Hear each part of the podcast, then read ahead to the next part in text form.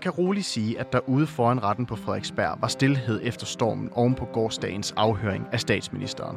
Og på samme måde var der ikke optræk til meget vind i kommissionen, da erhvervsministeren og to embedsmænd tog plads i vidneskranken. Jeg overvejede afhøringen sammen med Frank Korsholm, der er politisk redaktør på netmediet POV International og tidligere pressechef for de konservative. Du lytter til Minkpot, og mit navn er Mathias Pedersen.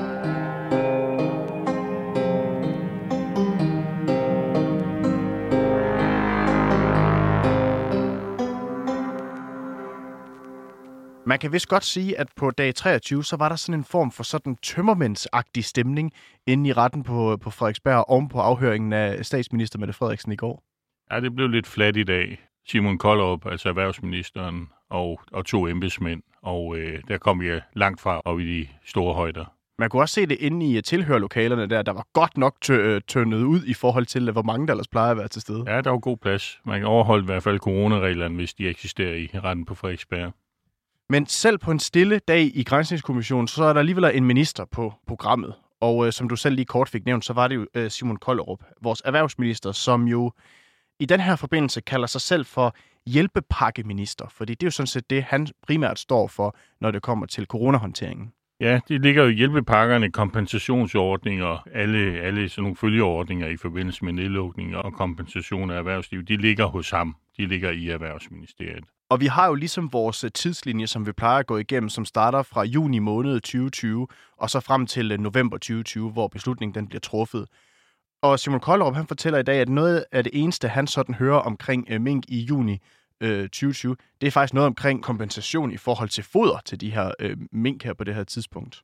Ja, det virker sådan lidt øh, low-key i hvert fald. Altså det kan jo være, at det har været sådan en afløber af, af de lukninger, man har i Nordjylland. Hvad øh, betød det for de lokale øh, foderstofkompanier, som, som har leveret mad og, ja, og foderstoffer til, til farmene. Men uh, det blev ikke sådan uddybet, men, men det, det illustrerer jo, det er i hvert fald ikke noget, der sådan har optaget ham og hans ministerium på, på daværende tidspunkt. Det kommer, det, det kommer jo først senere og noget, som øh, absolut på ingen måde heller øh, interesserer kommissionen på nogen som helst måde. Så derfor så springer vi frem til øh, mødet i økonomiudvalget den 30. september, fordi det er jo der, Simon Kollerup, han sådan for alvor for første gang bliver involveret i hele øh, Mink-sagen. Ja, det er jo mødet, øh, hvor man jo i virkeligheden snakker så frem til, til, til zone 2. Det bliver så først vedtaget dagen efter i, i covid-udvalget, men i virkeligheden er det jo på det møde, at de øh, regeringens øh, tungeste minister øh, tager nogle skærpe øh, tiltag til at, og, og, og få slået øh, minkfarmene ned, altså definere zone 2 til de her 7,8 km.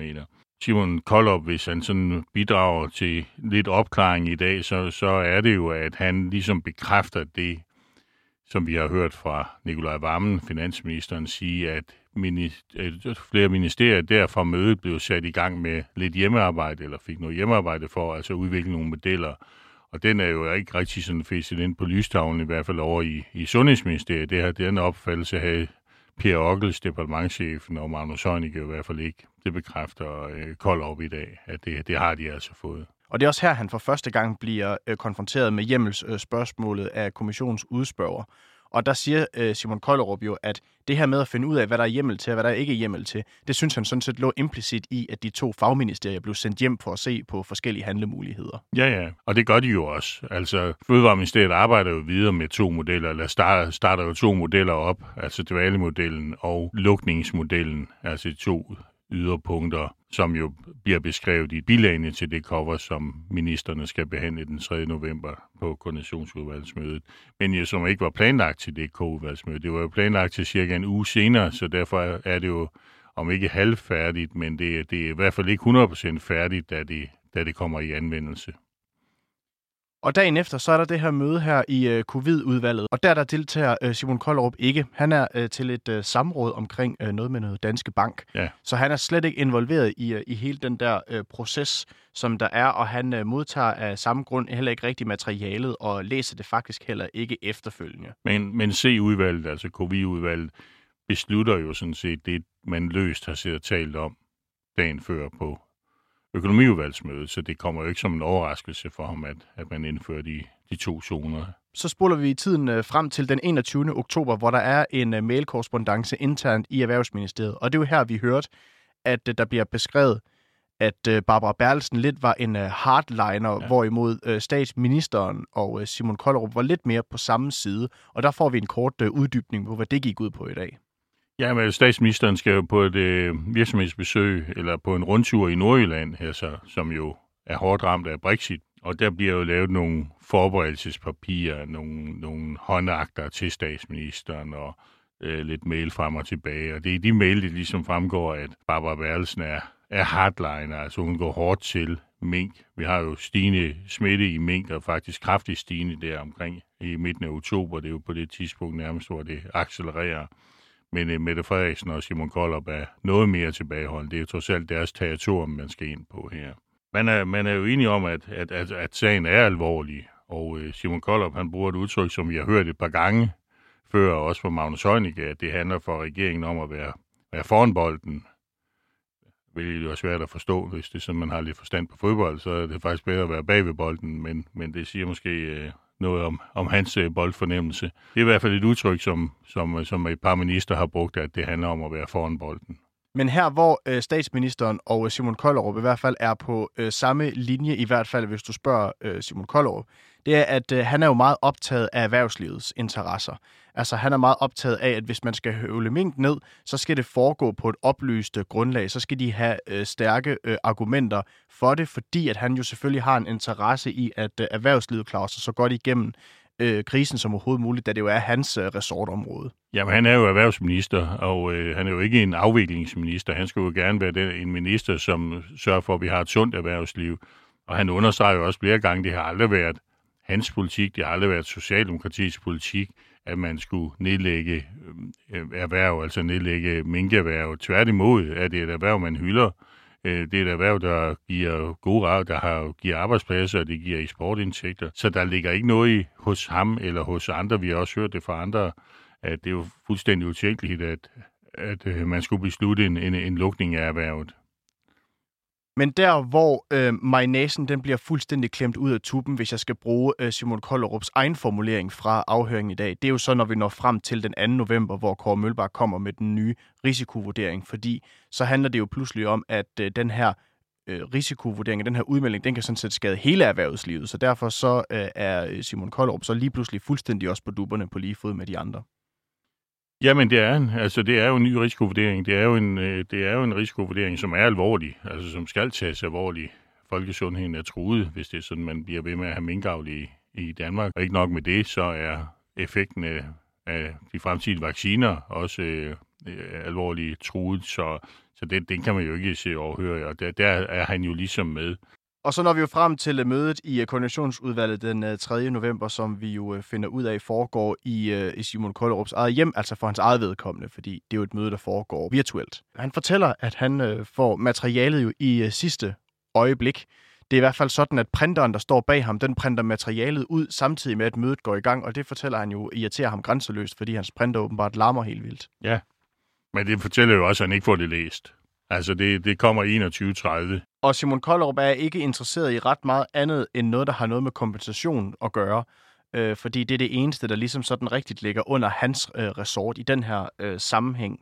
Ja, altså han skal jo udbetale pengene, altså de øh, penge, minkavleren skal have i kompensation.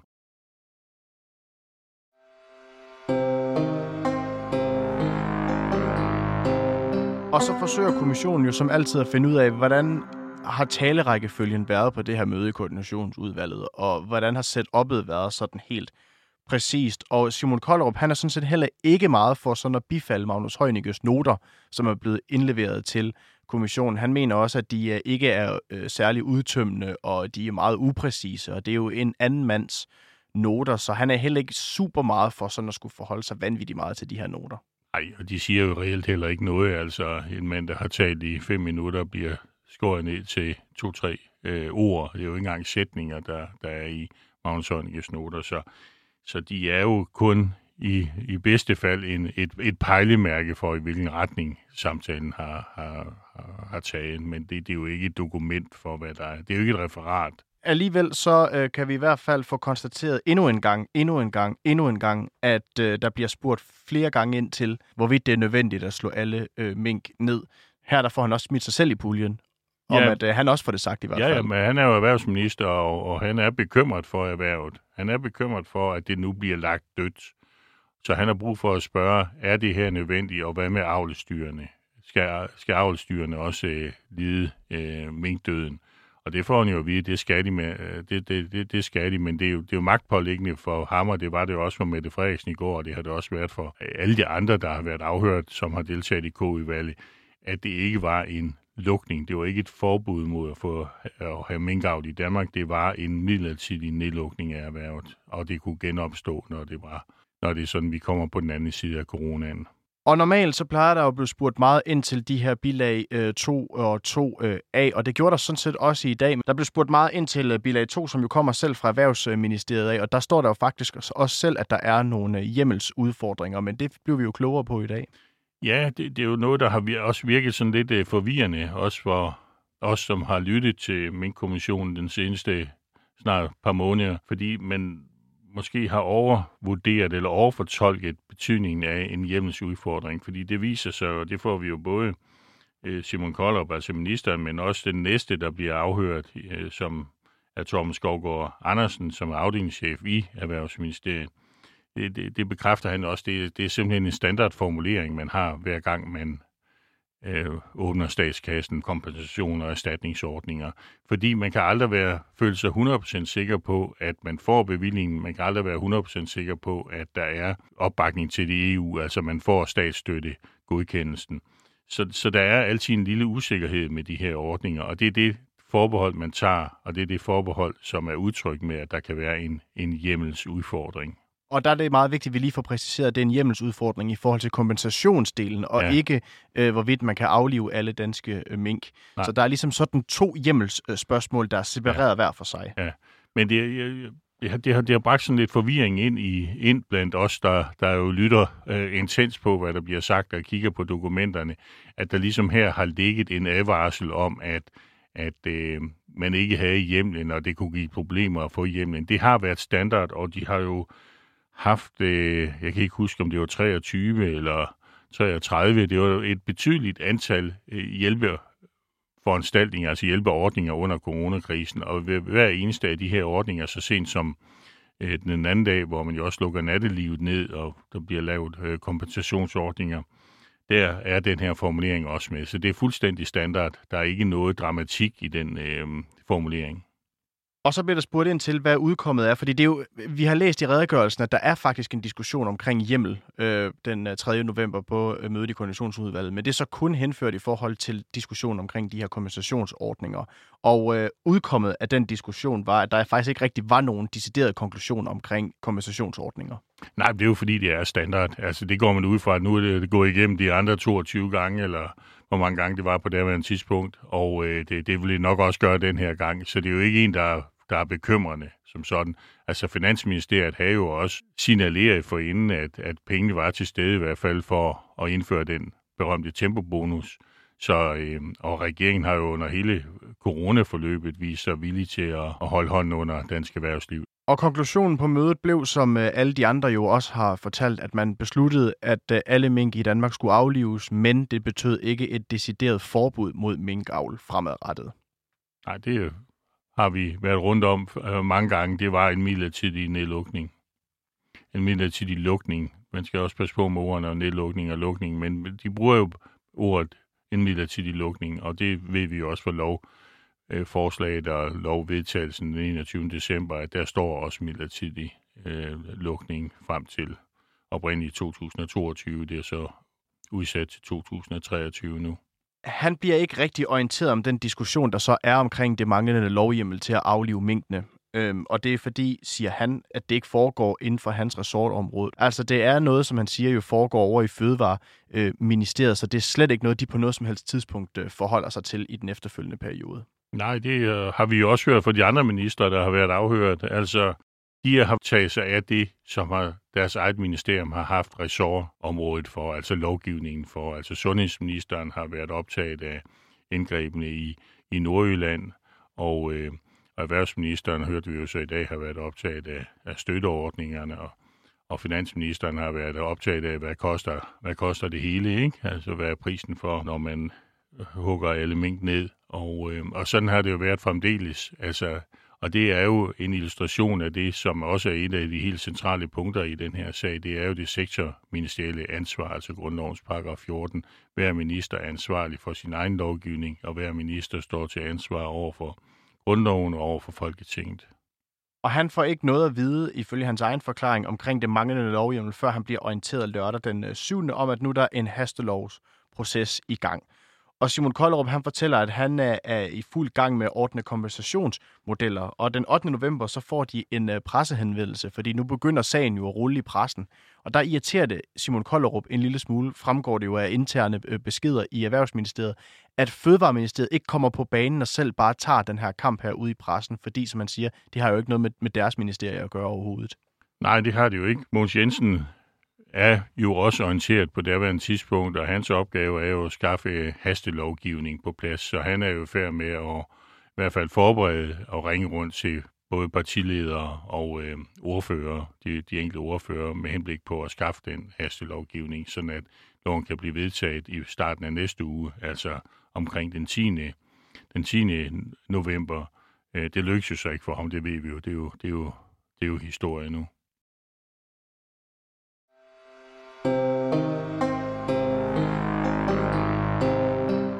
Og det næste, der blev afhørt i Grænsningskommissionen, det var Torben Skovgaard Andersen, som er administrationsdirektør i Erhvervsministeriet. Og han havde egentlig ikke rigtig noget at fortælle. Nej, han var en mønster embedsmænd, og der havde orden i sine sager. Det er ham, der i virkeligheden skal udbetale pengene og, og, og sikre, at lovgivningen bag de kompensationsordninger er i orden. Men altså, de har jo prøvet det her før, som I nævnte øh, for lidt siden, at 23 gange har man lavet støtteordninger og kompensationsordninger for erhvervslivet, så der var meget standard i det her. Det, det, det gik efter bogen. Og det eneste, han ligesom giver os indsigt i, det er, at han lidt understøtter Simon Kollerups forklaring omkring det her med den manglende lovhjemmel, når det kommer til kompensation, fordi han ligesom også siger, at når de arbejder med kompensationsmodeller, så er det meget normalt, at de skal ud og hente hjemmel efterfølgende til kompensationsordningen. Så han mente sådan set ikke, at det var særlig usædvanligt, at det stod i bilagene i materialet til uh, mødet i koordinationen. Nej, nej, men man, man træffer beslutningen, det her er nogle penge, der skal udbetales, og så søger man et aktstykke, øh, en bevilling via et aktstykke, som så skal godkendes i Finansministeriet, og derefter så er der så statsstøtteelementet, eller kan være statsstøtteelementet, og det skal så godkendes i Bruxelles, og det plejer også at gå ret hurtigt, og det plejer også at, at blive godkendt. Så, øh, så alle de penge, der bliver udbetalt, og det er jo også det, som vi jo også ved omkring tempobonusen, de bliver jo ligesom udbetalt under en forudsætning. Det står simpelthen i bunden på de papirer, det blev også læst op, at, at de er givet under forudsætning af senere vedtagelse, videre, senere godkendelse. Og det er jo også det, som tempobonusen er, er blevet. Der har været tvivl om, den har haft hjemmel, og oppositionen har jo også brugt den som et argument imod regeringen, men den er givet under de samme forudsætninger, altså at pengene bliver givet under en kommende vedtagelse. Og pengene bliver jo heller ikke, det skal man jo også huske, de her kompensationer bliver jo ikke udbetalt før loven er vedtaget. Og det har jo også skabt lidt irritation hos, hos minkavlerne, som jo der sidst i december i starten af januar råbte op om, at hvor blev pengene af, men altså loven skulle lige vedkendes, eller øh, godkendes og, og, øh, og kun gøres, altså før man kunne udbetale penge derfra. Så det, det, det har en naturlig forklaring, at det tog lidt tid at, at få pengene ud.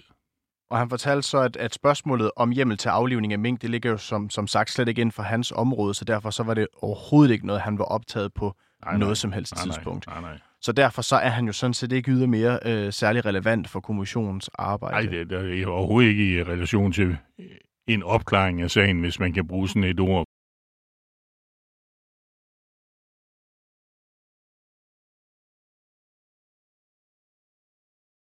Og på samme måde, så var der sådan set egentlig heller ikke rigtig noget øh, særligt øh, opsigtsvækkende ved Ask Lyno Hansen, øh, ministersekretær for Mogens Jensen i sin tid. Ved hans forklaring, der var overhovedet heller ikke noget sådan synderligt at komme efter. Nej, altså, det er jo, øh, han er jo sådan en, altså ministersekretær er jo selvfølgelig central i et, i et hvilket ministerium, men jo ikke sådan omkring sagsbehandling. Han er jo et slags ekspeditionskontor, samle materialet ind, øh, som skulle bruges til kogevalgsmødet, og, og, øh, og fik det retur og fik det distribueret derud, hvor det skulle være. Han modtager også materialet fra eller materialet til KU-sagen, som vi ved, der hvor beslutningen bliver truffet.